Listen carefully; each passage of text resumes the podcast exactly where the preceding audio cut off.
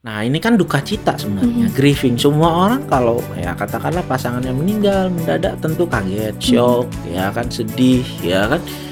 Tetapi kalau tidak dikelola dengan baik, Mhm. justru menjadi sebuah trauma. Mhm. Dan pada saat ketemu di tempat, saya melihat matanya eh, orangnya kan tahu banget nih, Hmm. bahkan gak bisa lupa kalau saya Hmm, sih. hmm. Eh, saya lihat itu orangnya, saya langsung kayak, uh kayak tegang, keringet dingin, Hmm. gemeteran dan nangis di tempat pokoknya. Hmm, Itu benar-benar- histeris ya. Sampai itu. sembunyi di bawah meja itu, itu waktu itu di tempat umum. Kalau saya nih trauma jalan di trotoar, terus ada yang berlubang, terus dia jatuh situ, blar. Mhm. Udah sakitnya, malunya, basahnya, Hmm. ya kan, nggak enak tuh rasanya. Mhm. Tapi kalau saya lupa, saya bisa nih ngedit peristiwa itu. Hmm. Saya lupa. Bahaya nggak?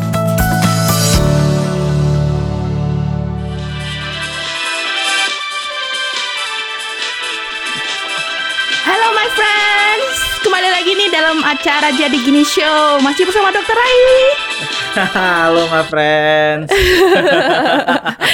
Ada openingnya sekarang guys, biar Ah. berbeda Selamat malam nih untuk teman-teman semuanya my friends eh, Yang udah gabungan di sini semuanya, selamat Ah, malam Siapa aja nih? Banyak Oh, Udah banyak nih. banget dok Ini udah ada, Oh, oh, udah ada 6 juta. udah ada 6K dok Banyak banget ini Ya kali ini topik bahasannya emang menarik banget ya Jadi eh, mengenai pulih dari trauma jiwa Pasti juga my friends juga Aha. semuanya Iya nih sapa-sapa ya. dulu loh Oh iya, orangnya disapa-sapa ya dulu, kan. oke. Ada Lucia Jensen, ada ada Sarul Oka Sudarsana, ada Ulil Afidah juga, Yani. Eka Yani, Wah, Putu. kalau ngomongin trauma jadi kredit ya kayaknya Kredit ya. banget, langsung Mhm. penuh. Karena kayaknya semua kok punya trauma nih, waduh. Mhm. Itu yang nanti kita akan bahas ya, my friends ya. Mhm. Eh, Acara kali ini siapa nih yang mendukung? Oke, Iya. acara kali ini didukung oleh Mercy. Mercy apa nih dok? White Division. Oke, Mercy White Division nih, my friends, Hmm. Eh, yang memproduksi, memprodu, mempro- Mendukung, mendukung, aduh, acara ini. kelebet Gitu banget dia ngomong. dong. Oke lah. Eh, Uti jangan sok terkenal, perkenalan dulu dong Oke. gitu. Mhm. Maaf ya, my friends. Eh, selain ada Dokter Rai di sini, perkenalkan sama saya di sini ada Lisa Blackpink KW7. saya capek dok dibilang Lisa Blackpink, Lisa Blackpink itu capek gitu. Oh gitu ya. Iya, jadi gaya dikit lah ya nggak apa-apa. Saya agak-agak Please no bully. eh, psikosomatis ya, mual ya. Ya, ya, ya. Uti dari Oke. komunitas teman iya, baik ya. saya ya. eh, Putri Hmm. Wulandari dari komunitas teman Hmm. baik di sini yang nanti akan eh, membina acaranya kali ini Membina. ya. Membina. Situ pembina. bukan bukan Aha. Eh, me- menemani Dokter Rai Ini kayaknya ini. friends menyaksikan ini bertambah traumanya ya satu lagi ya di sini. Tambah Oke. trauma, sorry ya, my friends. Ha, Oh, jadi kita ke-trigger. dulu deh. Oke, oke. Sebe- sema- sebelum saya makin trauma ya. Sebelum kan? lupa ya, oke. Hmm. Jadi gimana sih dok trauma itu sebenarnya? My friend juga Kenapa pasti. ya kita bisa trauma? Iya, kenapa kita itu bisa trauma? ya. Nah, itu memang menariknya ya, uniknya pemikiran kita. Mhm. Biasanya ada hal-hal yang cukup membekas dalam uh, pikiran dan perasaan kita. Biasanya membekas itu kalau nggak yang baik banget, Yang buruk yang banget. buruk banget Mm-mm. gitu. Nah, sering kali uh, yang uh, terjadi adalah yang buruk. Mhm. Nah, ketika hal itu terjadi, ya kan, uh, seberapapun kita ingin melupakannya, biasanya kita akan terus teringat, ya Mhm. kan, peristiwa buruk ini. Mhm. Nah, itulah yang mungkin disebut oleh masyarakat sebagai trauma. Mhm. Tapi sebenarnya secara kedokteran uh, jiwa itu Mhm. ada loh, ya kan, namanya uh, gangguan stres pasca trauma Oh. atau bahasa Inggrisnya PTSD, Mhm. post traumatic stress disorder. Mhm. Jadi gangguan stres yang dialami setelah uh, trauma Mhm. itu. Untuk PTSD itu Hmm. sendiri apa Hmm. langsung begitu trauma terjadi langsung eh, ada gejalanya atau bisa dalam jangka lama dok? Ya bisa jadi jangka panjang ya. Maksudnya uh, biasanya setelah ada kejadian buruk kita Mhm. bereaksi kan. Mhm. Nah, jadi ketika reaksi kita yang terganggu namanya reaksi stres akut. Tapi kalau awal-awal nih sering kan misalnya kejadian ada suatu kasus berduka cita nih, Mhm. misalnya pasangan misalnya meninggal Mhm. gitu ya, mendadak waktu kita mengurus upacaranya ya kan dan sebagainya energi keluar kita masih biasa aja. Mhm. Tapi begitu sudah selesai upacara kok kita mulai nih ada Oh, tanda-tanda oke. PTSD. Tanda-tanda PTSD itu tiga mudah Apa aja diingat. itu? Yang pertama re-experiencing. Jadi kalau kita seperti mengalami lagi nih peristiwa yang traumatik itu bisa dalam keadaan sadar begini kita des gitu bengong eh kok ada nih Hmm, Ah, oke. jadi kayak flash. pikiran lewat Ya, gitu ya. ah, tentang kejadian buruk itu. Mhm.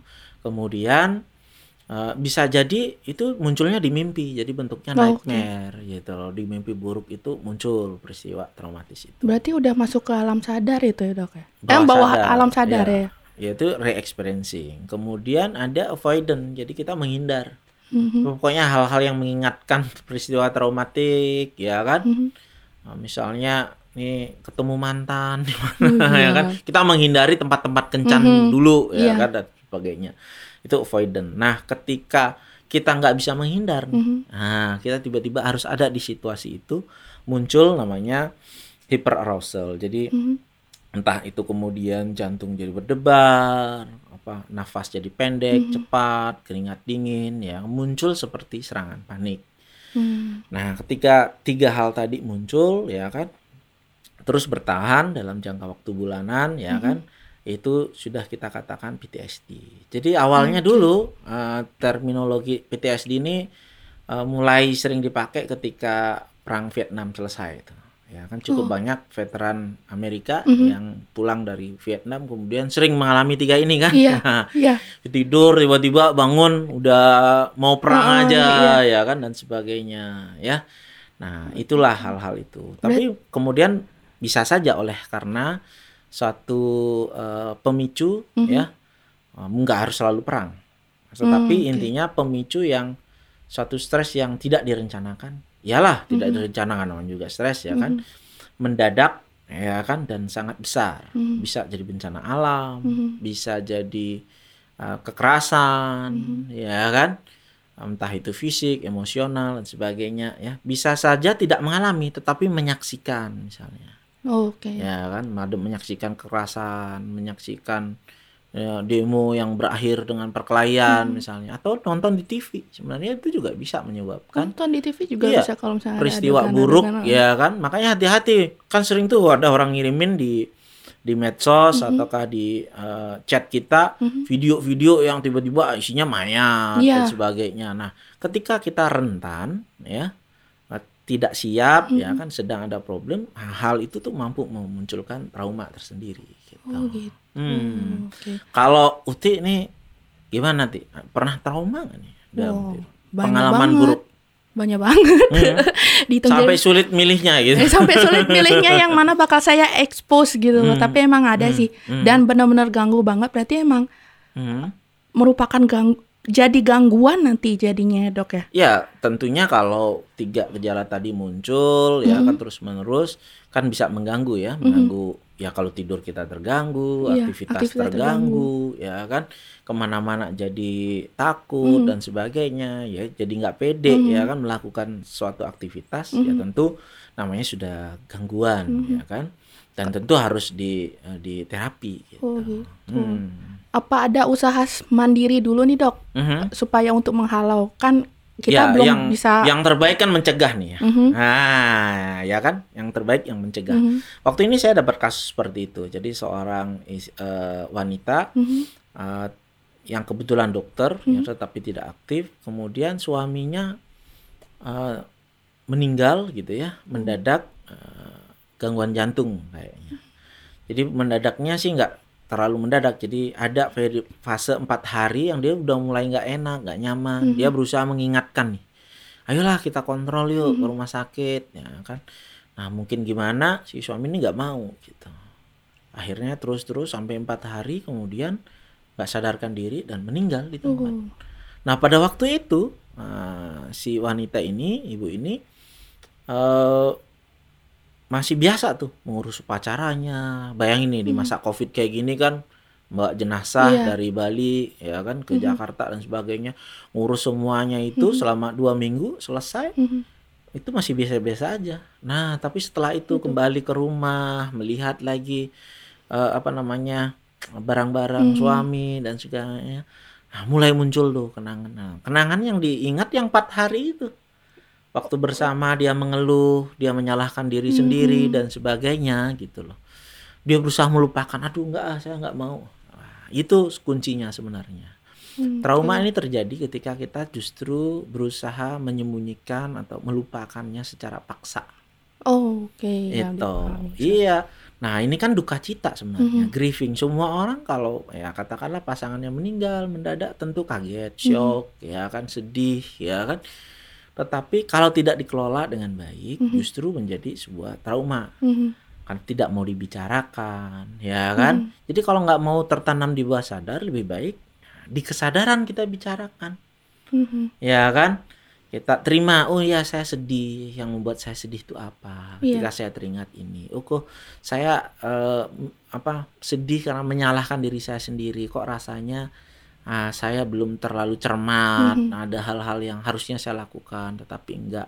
Nah, perasaan itu dibicarakan, ya kan? Oke. Bisa dengan teman baik yang paham, ya kan? Jadi Mhm. teman baik kalau dengar begitu harus tanpa penghakiman. Jangan Mhm. bilang-bilang baru orang ngobrol sebentar sudah udahlah itu sudah sudah kejadian kamu lupakan aja Nah, Iya, langsung sedangkan orang butuh untuk mengekspresikan itu didengar aja gitu Hmm, kan, Dok. dia diekspresikan jadi sedih dan Mhm. kalau bisa diajak dia membicarakan mengenang hidup seseorang jangan empat hari terakhir Tapi Nah, yang saya baik-baik tanya ke saya tanya gitu. ke kasus itu eh, ibu itu Eh, menikah udah berapa lama? 20 tahun dok. Oh iya. 20 tahun tuh gimana? Dari mana ibu kenalnya dan Oke, sebagainya? Yang indah-indah Ya, berarti ya. bukan hanya yang indah tapi seutuhnya.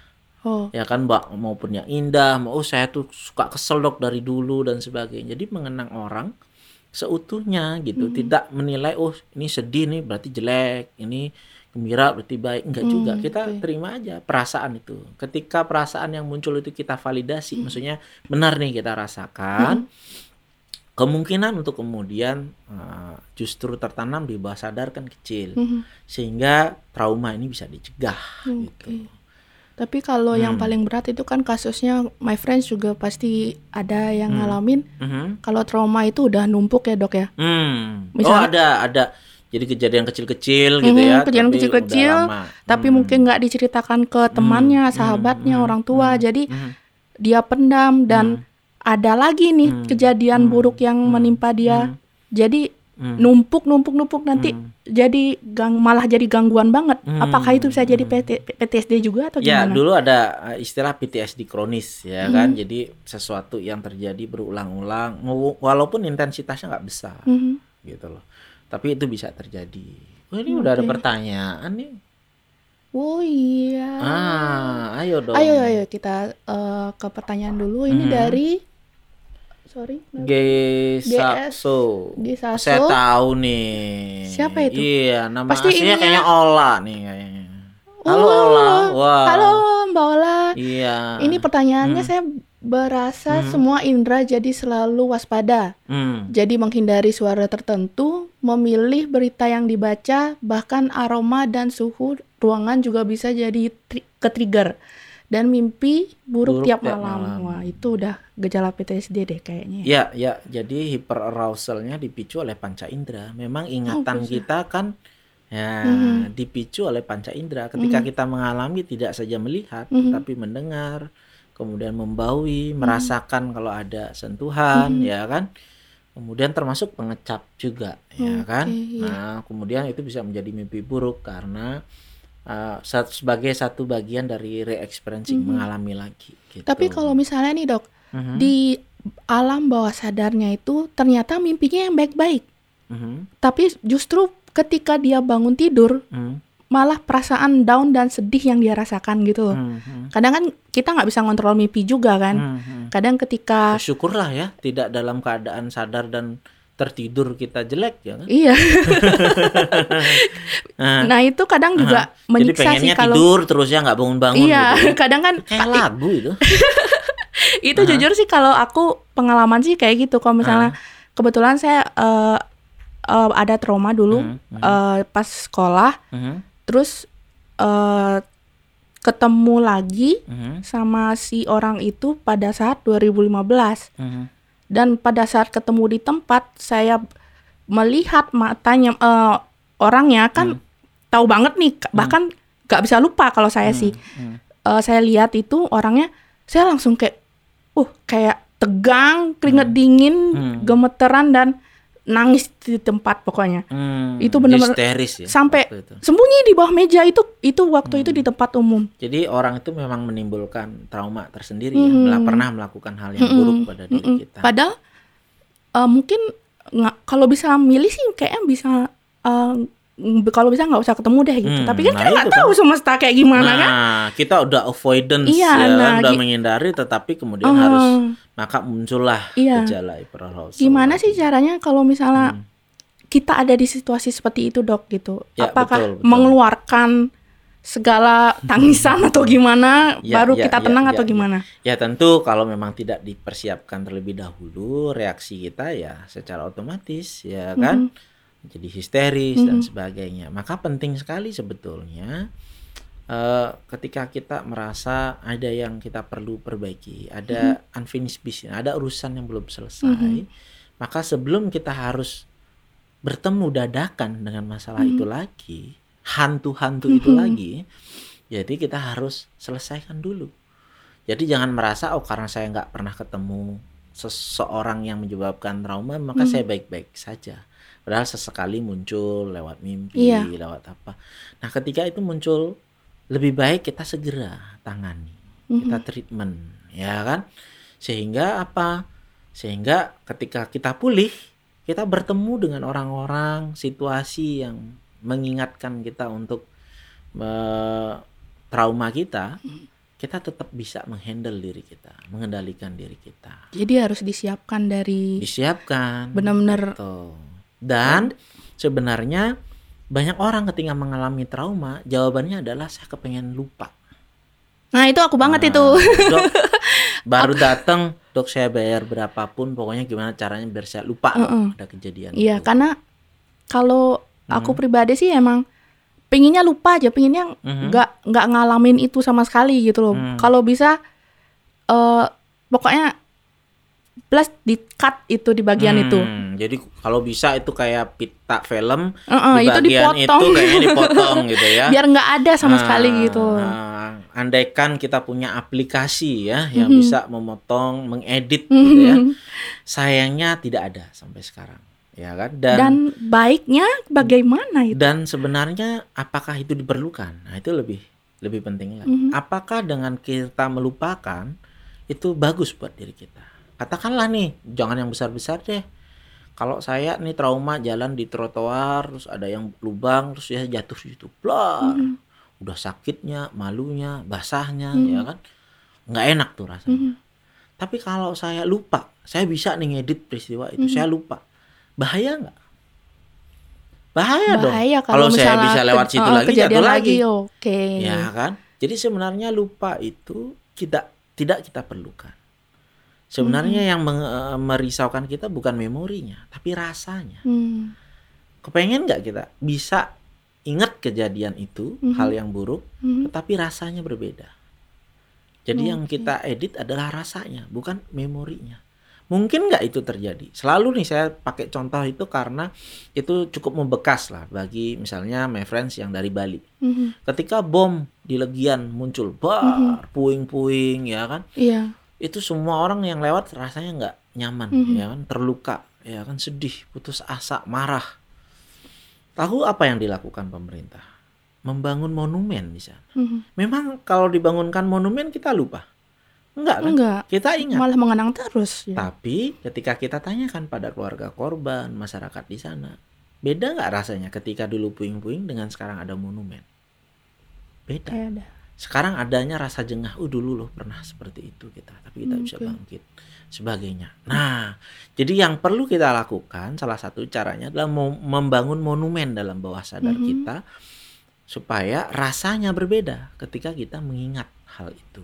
Pengen Oke. kan kita bisa begitu kan? Pengen banget, tapi Hmm. kayaknya susah ya dok ya dan butuh waktu lama Ya, itu banget. bisa dilakukan di dalam bawah sadar kita, Mhm. ya kan, dibantu, ya, dibantu proses, ya kan, Mhm. Eh, kemudian eh, membangun kesadaran baru ya, Mhm. tentang suatu peristiwa buruk itu. Kita membingkai ulang, Oke. ya kan, eh, visi yang pernah muncul dalam diri kita, dalam memori kita, gitu. Oke. Nah, itu salah satunya. Tapi kadang-kadang ketika kita mau melakukan itu di bawah sadar kita, dibimbing oleh terapisnya, kita udah hiperarousal dulu nih, udah tegang Iya. dulu, cemas dulu, gimana mau konsentrasi, gimana mau tutup mata, gimana mau bayangin ini. Nah, itu. Jadi uh, ini ada hubungannya. Sebenarnya trauma tuh betul-betul nyata nggak sih ada di otak kita? Iya. Ya kan? Kenapa sih gejala-gejala itu tuh bisa ada re- re- re-experiencing tadi, ya kan? Kenapa ada hyperarousal, ya kan? Ada loh di otak kita, ada sambungannya. Jadi ada amigdala, ada hipotalamus, ya, ada hipokampus. Kalau memori kita itu ada di hipokampus. Mhm. Semua memori yang pernah terjadi dalam hidup kita, mau baik mau buruk itu ada di hipokampus. Itu jadi satu di situ. Dia punya jalur nih Mhm. ke hipotalamus dan ke amigdala. Hipotalamus itu mood kita. Oh. Amigdala itu rasa cemas, rasa bahaya. Wow. Itu. Jadi mereka menjalar menjalar. Iya, begitu kita muncul perasaan cemas, kita track back lagi. Mhm. Oh, ini kayak di pengalaman yang kapan? Oh, yang ini gitu. Hmm. Dikencangkan lagi, Iya. ya kan, diperbesar lagi. Sehingga muncul tuh rasa berdebar, nggak enak, Iya. nggak fokus, ya kan? Cemas, ya kan? Malah bikin Nah, histeris nyaman. kayak Iya, tadi. Nah, iya. itu sebenarnya yang terjadi ketika kita menemukan uh, yang memicu. Oke. Nah, lalu gimana dong, Dok? Ya kan? Kalau yang membangun monumen itu kan di hipokampus kan, Mhm. gitu loh. Memorinya ya kan kita bingkai ulang. Tapi kalau sambungan ini nggak diputus, maka sebetulnya yang diperlukan juga uh, obat. Tetapi bukan Mhm. obat penenang, bukan obat tidur ya. Obat Tetapi obat itu, yang bisa nih mengurangi sensitivitas di amigdala dan hipotalamus tadi Oh, gitu. Jadi untuk dalam Sementara otak itu. iya supaya kita bisa cukup tenang dan percaya. Nah, ketika kita lakukan terapi di bawah sadar, dia cukup percaya membangun ya, dirinya mau ya kan keluar dari zona nyamannya, kembali lagi ke memori yang sulit kita lupakan itu. Kemudian kita resolusi. Gitu. Jadi itu bisa dilakukan di bawah sadar ya kan lewat hipnoterapi bisa juga perlahan-lahan ya kan lewat psikoterapi bisa juga orang nyaman dengan ngobrol dan sebagainya gitu ya Oke. Nah, Tapi emang hmm, susah sih dok. Sa- Kalau saya kan pernah tuh kan sama Hmm. dokter kan eh, di hipno itu. hmm. eh, jadi kayak udah cemas duluan. Hmm, Takutnya diapain nah, nih? Ini gimana artinya ini iya. gitu?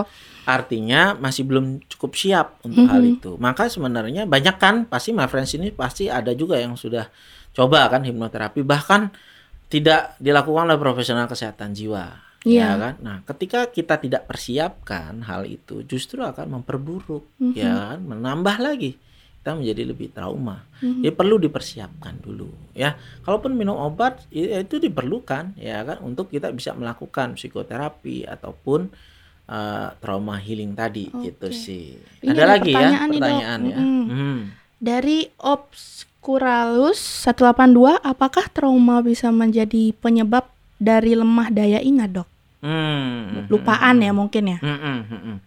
Ya, eh, apakah trauma bisa menjadi penyebab ya? Jadi Mhm. gini, ketika kita sering mengalami trauma, ya, apalagi kita jatuh pada depresi, Mhm. ya, eh, itu bahasan Sabtu lalu ya kan? Iya. Nah, bahwa lemot, lupaan itu bisa, Bisa jadi, jadi sebuah kok. gejala depresi. Mhm.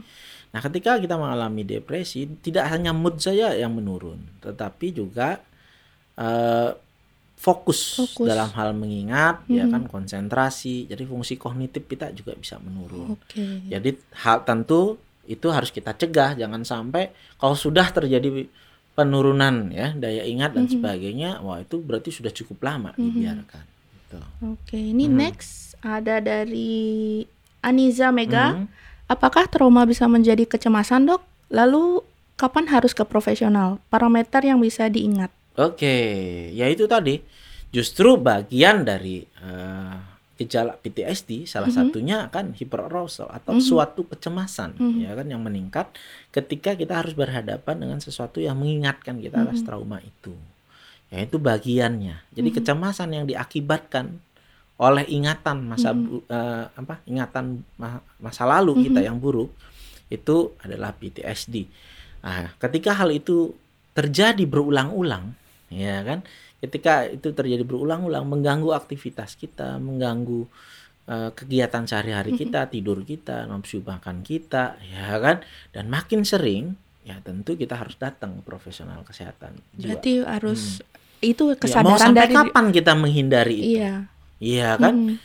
Dan itu kan seperti tadi nih, misalnya Ola tadi tanya, itu di panca indera kita, Mhm. ya kan? Katakanlah misalnya ada orang trauma karena apa ya? Eh, diperkosa misalnya. Mhm. Itu semua hal yang mengingatkan kejadian itu karena itu terjadi sore, jadi setiap sore suasana sore itu mengingatkan saya. Ka- karena baunya, bau apek, setiap ada bau apek seperti itu itu akan mengingatkan saya.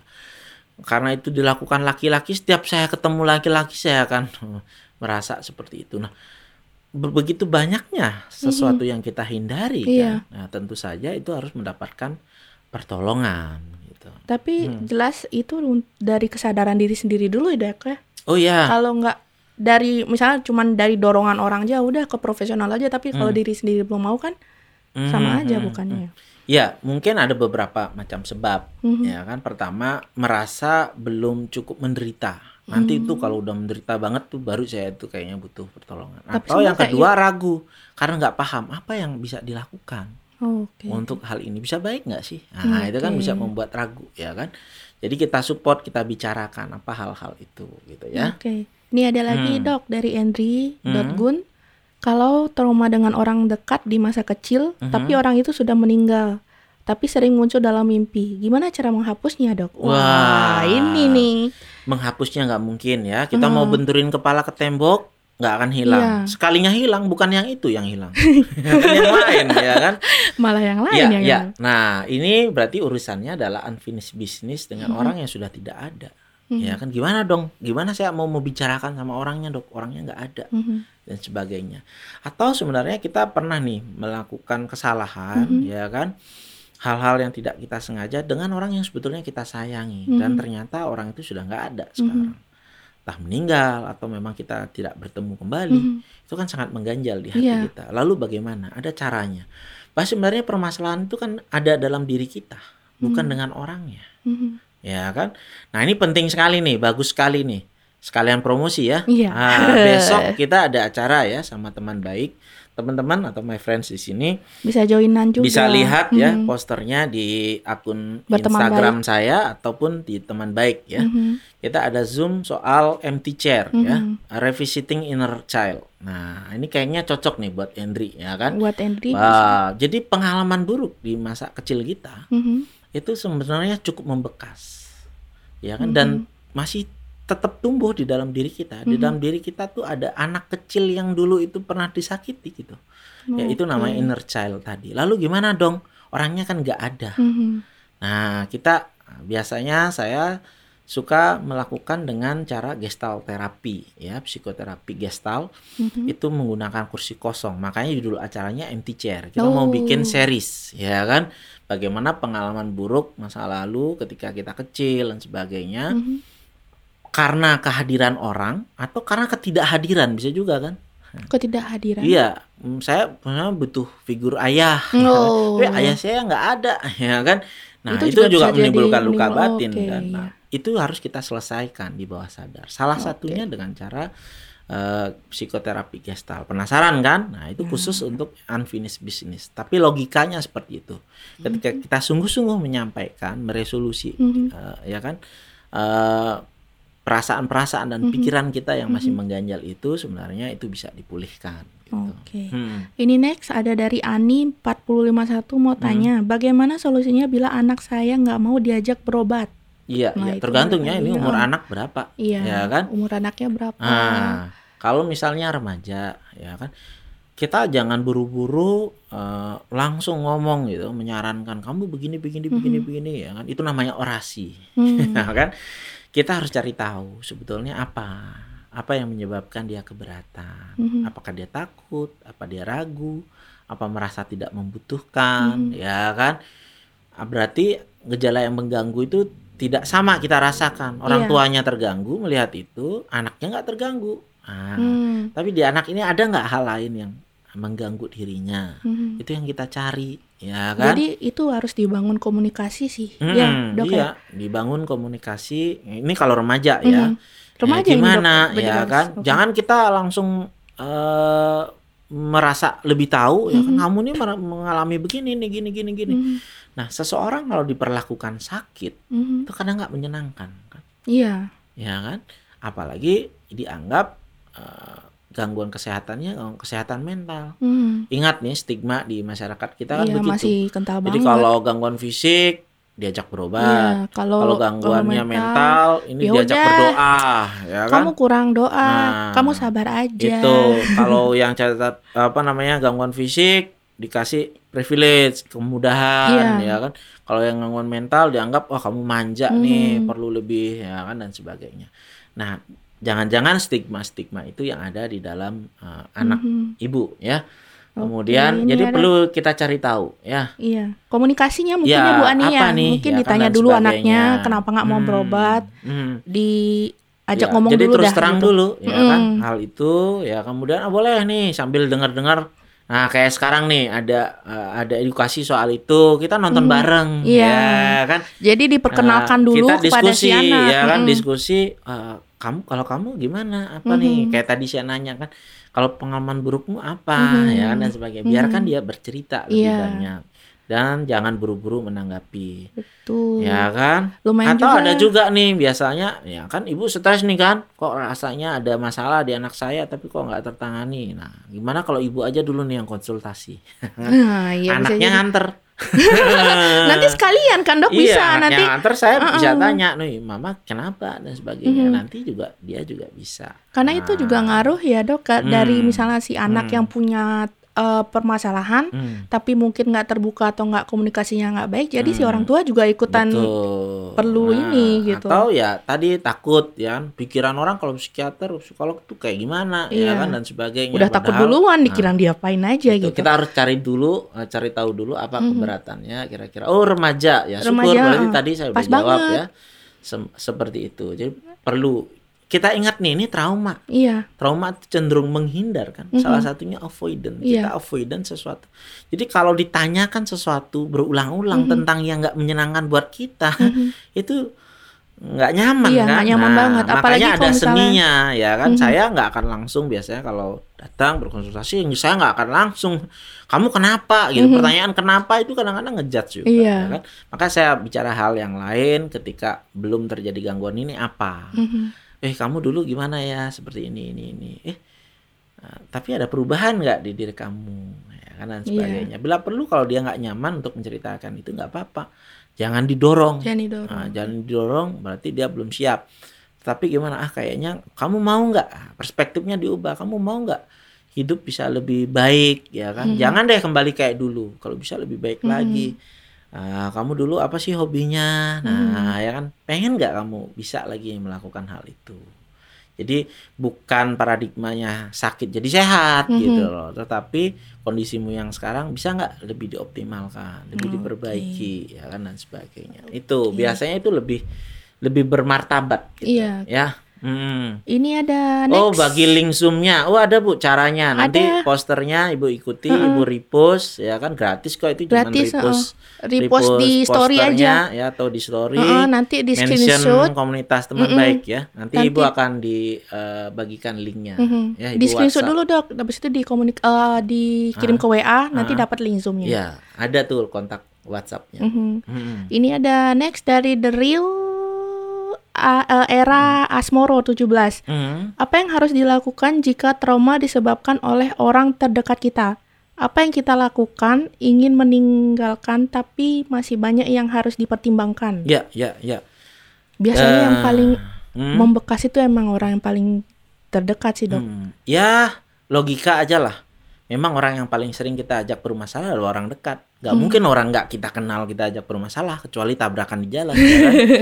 Gitu. Jadi sebenarnya manusiawi sekali. Ya, Oke. itu mengesalkan sekali saya tahu ya kan karena kita masih ketemu tiap hari dan Iya. sebagainya. Tapi yang pertama saya perlu ingatkan adalah jangan membuat keputusan apa pun ketika kita tidak dalam kondisi optimal. Mhm, Ketika kita emosi, ketika kita terluka, mhm. jangan memutuskan sesuatu dulu yang nantinya kita bisa sesali Wah, ya kan iya. jadi sering kali kita begitu tuh ketika kita mengalami pe- pengalaman tidak menyenangkan terus kita segera membuat eh, membuat keputusan udah saya putus aja Mhm. ya kan Iya. udah saya apa kalau orang menikah cerai aja lah Mhm. saya ini padahal itu adalah emosi yang muncul sesaat Mhm. itu saja saya nggak menyalahkan perasaan itu ya perasaan Iya, itu kan ada. uh, uh, benar-benar ada Mhm. ya perasaan terluka sedih lebih baik kita terima dulu saya sedih seperti ini Mhm. ya kan kita timbang-timbang dulu Mhm. kita rasakan ya kan apakah ini suatu perasaan yang akan terjadi terus menerus Mhm. apakah ini suatu masalah yang terjadi berulang-ulang dan sebagainya apa sih pangkal masalahnya gitu saya nggak tahu nih orang terdekat nih orang tua atau Mhm. pasangan kalau Iya. misalnya pasangan seperti apa dok ya kalau biasanya pasangan apalagi misalnya sudah menikah gitu Mhm. ya saya sering mengatakan hubungan dalam suatu pernikahan sering kali kandas bukan oleh banyak perbedaan atau banyak permasalahan sering kali ol- terjadi oleh karena satu mas satu dua masalah yang terjadi berulang-ulang Berulang-ulang atau satu masalah tapi Hmm. diingat-ingatkan terus gitu. Iya, entah diingat terus atau terjadi terus karena Hmm. memang belum dipecahkan Oke. masalah itu. Jadi seberapa sering sih kita mempertengkarkan hal yang sama? Mhm. Ya kan? Iya kebanyakan kan kayak gitu, pasangan. kan? Bukan karena ada 100 masalah, Iya. tapi sebenarnya satu dua masalah Iya. doang tetapi terus Iya. dipertengkarkan berulang-ulang. Hmm, Ya kan? Nah, coba nih kita eh, coba selesaikan, ya kan? Apakah itu sesuatu yang bisa diperbaiki misalnya? Ya kan? Iya. Ketika kita sibuk pada luka batin kita, jangan-jangan nggak ada orang hobi bertengkar kan? Mhm. Jangan-jangan pasangan kita juga lagi terluka. Bisa jadi. Nah, kita kan kenapa nggak nggak kita uh, pulihkan bersama-sama Iya. ya. Tetapi caranya adalah apa pangkal masalahnya ya kan kita coba ya, ada couple terapi Mhm. dan sebagainya. Kalau hubungannya dengan keluarga ya sering kali uh, selain pasangan adalah keluarga. Iya. Oh, apakah itu orang tua kita, apakah Mhm. saudara kita dan sebagainya. Nah, sama. Jangan kalau pasangan bisa tuh seemosi cerai ya Mhm. kan ini. Tapi kalau sama keluarga gimana caranya putus hubungan ya kan? Paling banter minggat dok. Nah, oke, minggat. Oh, kalau untuk hal menenangkan diri, it's okay Oke, lah, ya. itu wajar. Tapi ya kalau kan? untuk tapi yang untuk beberapa waktu, ya kan. Mhm. Tetapi gimana nih kita untuk eh, kembali lagi menyelesaikan permasalahan ini, Mhm, gitu. oke. Intinya komunikasi sih dok ya. My Mhm, friends mhm. ingat komunikasi. Hmm, Ini ya. ada lagi dok dari Curhat. Hmm.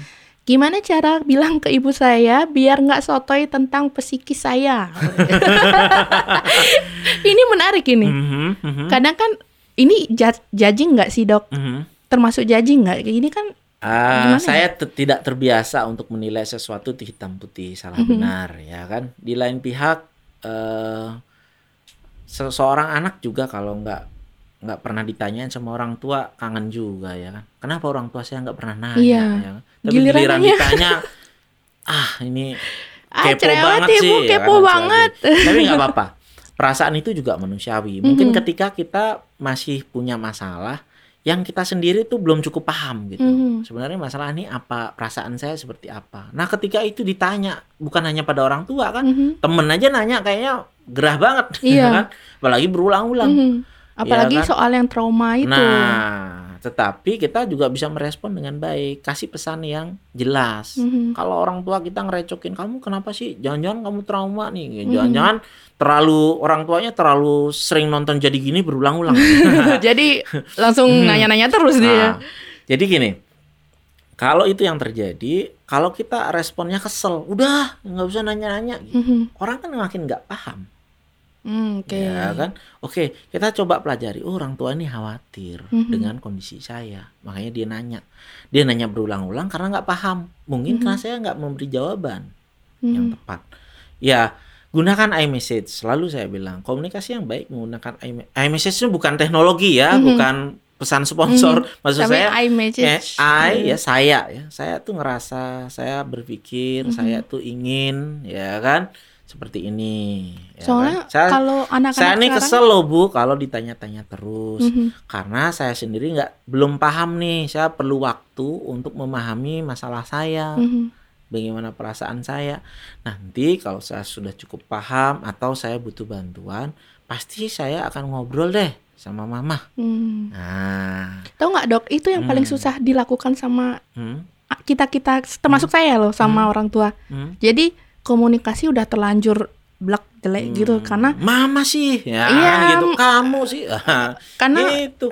kita kayak susah mengutarakan gitu loh. Hmm. secara baik-baik ya dok ya. Hmm. kalau Hmm. misalnya secara kesel ya gampang aja kita kesel gitu. Jadi gini, nggak apa-apa lah, ya kan? Mama walaupun umurnya lebih tua, eh, lebih berumur, tapi boleh juga kan kita menunjukkan kematangan emosi kita, Mhm. ya kan?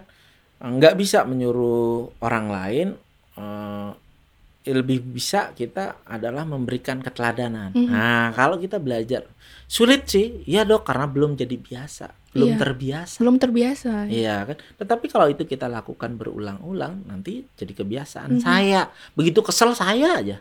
Mhm. Saya tuh kesel loh mah kalau saya ditanya-tanya. Hmm, oke Ya kan.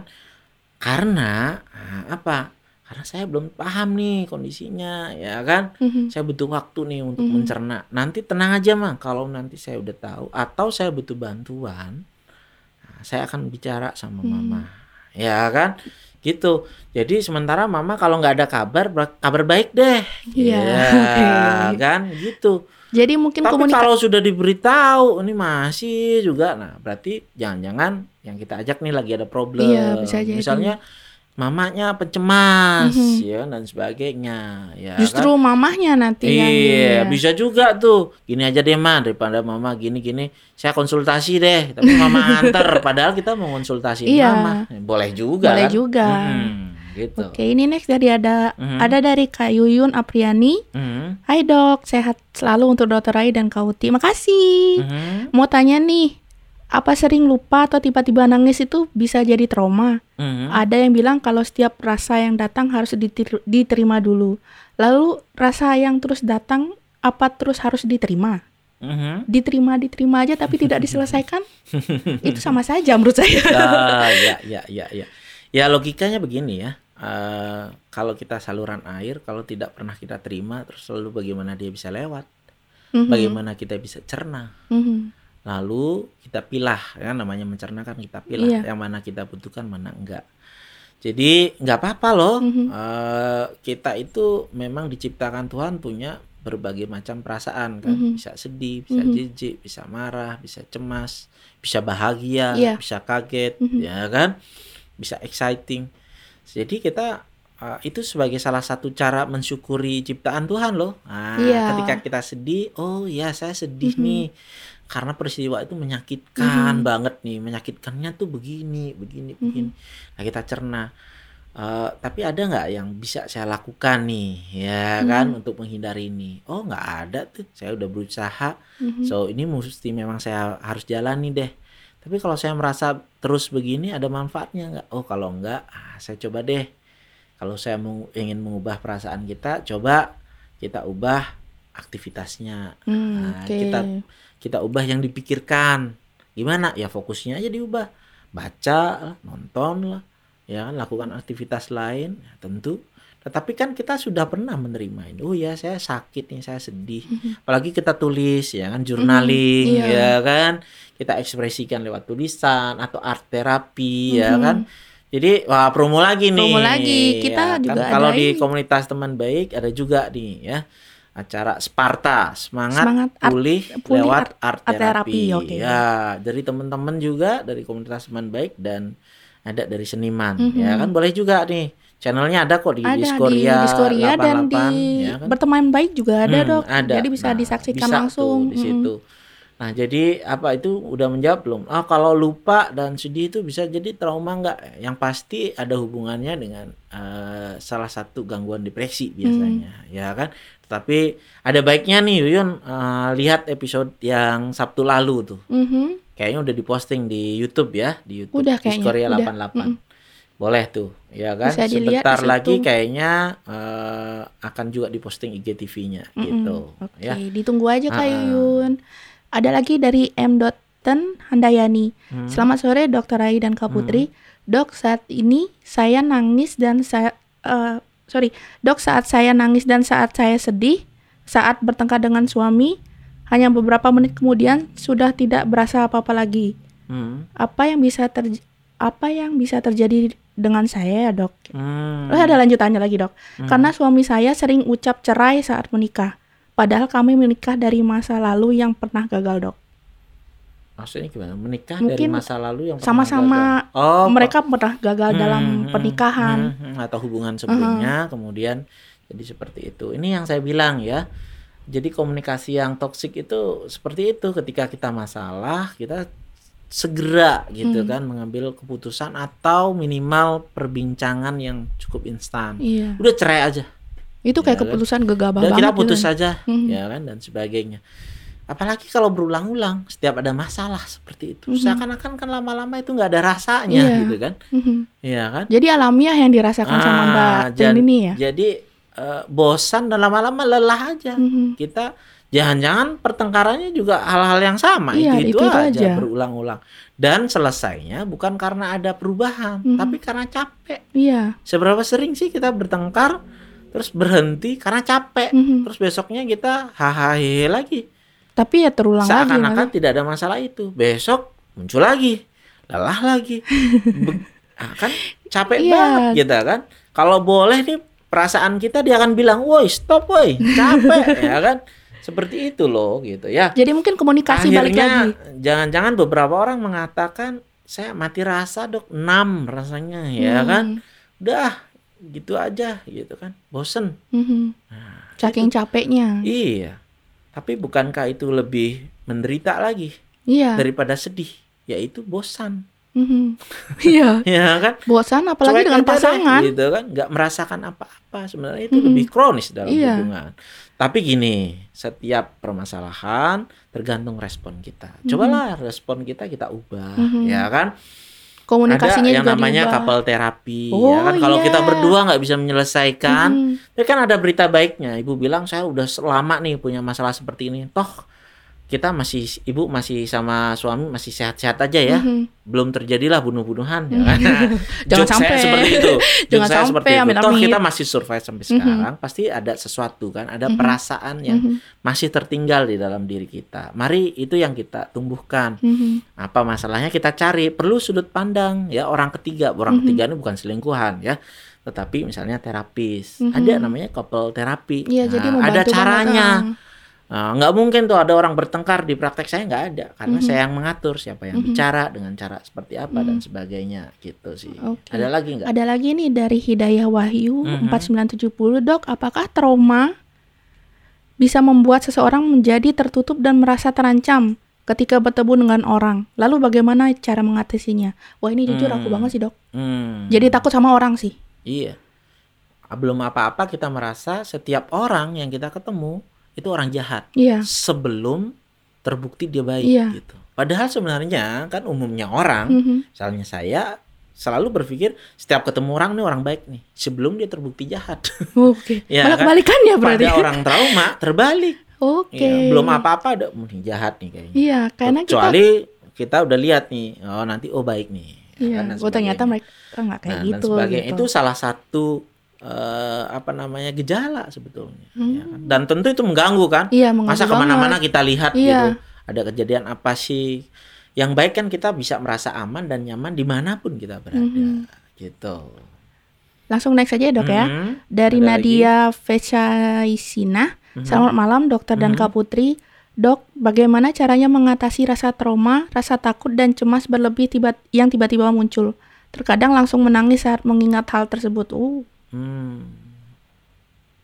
sama kayak tadi sih dok ya. Hmm, ya artinya ingatan tidak bisa di stop. Mhm. ya kan kita yang kita lakukan melatih itu ya kan sampai kapan kita lari ya kan Mhm. apa pun yang kita sembunyikan termasuk perasaan kita Mhm. suatu saat dia akan muncul Mhm. ada baiknya ketika tidak terjadi itu Mhm. kita berlatih ada Hmm, caranya oke.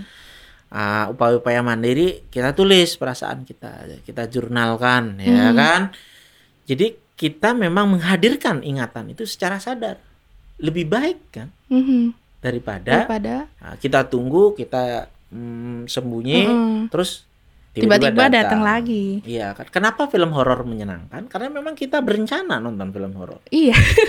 Tapi kalau horor itu terjadi tanpa kita rencanakan di dalam diri kita, Malah dalam hidup beneran. kita, wah repot banget. Itu Malah kan. repot. heeh. Nah, jadi mari kita bangun dalam kesadaran-kesadaran apa nih sebenarnya perasaan kita, apa yang kita takutkan Mhm. terjadi, apa sih yang kita Mhm. benci, setelah itu. Jadi kalau soal trauma gitu erat kaitannya dengan memaafkan. Oke, Mhm. waktunya sedikit. Nanti nggak apa-apa, akan ada lagi ya Mhm. topik-topik. Memaafkan itu, aduh saya nggak bisa dok. Oh, ini eh, dia menyakiti saya itu Mhm. terlalu besar ya kan dan sebagainya. Saya nggak bisa maafin Kalau dia kita pokoknya. ubah perspektif kita, maaf itu untuk diri kita, bukan buat orang lain. Oh, itu Jadi sebenarnya kalau kita egois, kalau kita selfish, kita bisa memaafkan. Hmm, Karena oke. memaafkan itu untuk diri kita. Ya. Berarti selfish itu diperlukan Hmm, sesekali ya dok ya? Jadilah egois, jadilah mementingkan diri kita sendiri Mhm. karena mema- dengan memaafkan, karena Oke. memaafkan membuat kita cepat bebas, Mhm. ya kan? Kasihan kan orang yang menyakiti aja udah lupa sama kita, Iya. kitanya benar. masih inget. Emang orang itu sepenting itu. Mhm, Nah, iya. tapi bicara gampang, tapi Praktek. penyembuhan, Uh-uh. pemulihan itu memang membutuhkan waktu, waktu. dan dituntun dengan benar. Jadi Iya. jangan segan-segan kalau memang kita kesulitan, kita perlu, ya Perlu. pendampingan dari profesional kesehatan Iya. jiwa gitu. Yang pet- eh, jadi poinnya di sini kalau misalnya emang dari my friends ada yang mengalami bisa langsung Hmm. ke profesional mungkin ya dok ya. Ya. Dan jangan ditunggu-tunggu lagi. Dan pada akhirnya kita bisa relief. Relief itu dalam artian kita bisa menerima Mhm, hal-hal buruk itu sebagai bagian dari ki- dari diri kita sama sepertinya hal-hal yang baik mhm. ya kan kita namakan baik. Iya. Nah, itulah kemudian pemulihan kita. Oke. Hmm. Wah waktunya sebenarnya nggak cukup ya bahas itu ya dok ya. Mhm. Mungkin nanti kita akan buat Ini memang bahasan kita lain. sengaja gantung ya kan sehingga ada yang nonton di Jadi episode nanti ada penasaran lagi di episode Hmm. selanjutnya pasti akan berhubungan lagi Ya, dengan dan mungkin yang gini. paling erat, yang terdekat adalah besok ya. Mhm, iya, MT besok. Series Mhm. itu berhubungan juga dengan trauma. Mhm. Nah, itu kita sekalian praktek sebetulnya. Ya kan Bisa- menemukan inner child kita, luka batin kita. Uh, kemudian berusaha menyelesaikan itu seperti apa. Saya sih pengennya ada PR malah ya Iya. kan. Jadi pulang dari sana ada PR, kita ketemu lagi nih di seri Di berikutnya. next weeknya, Ya, iya. Jadi, gitu. Untuk teman baik yang belum Mhm. ikut mungkin bisa dilihat di IG-nya Gus eh, GST Rai di Dokter Mhm. Rai atau di berteman baik. Mhm, Nanti di situ bisa ada mhm, posannya bisa langsung di share Mhm. dan di kontak WhatsApp-nya biar ikut dan ada nanti dikasih link WA-nya mhm. itu.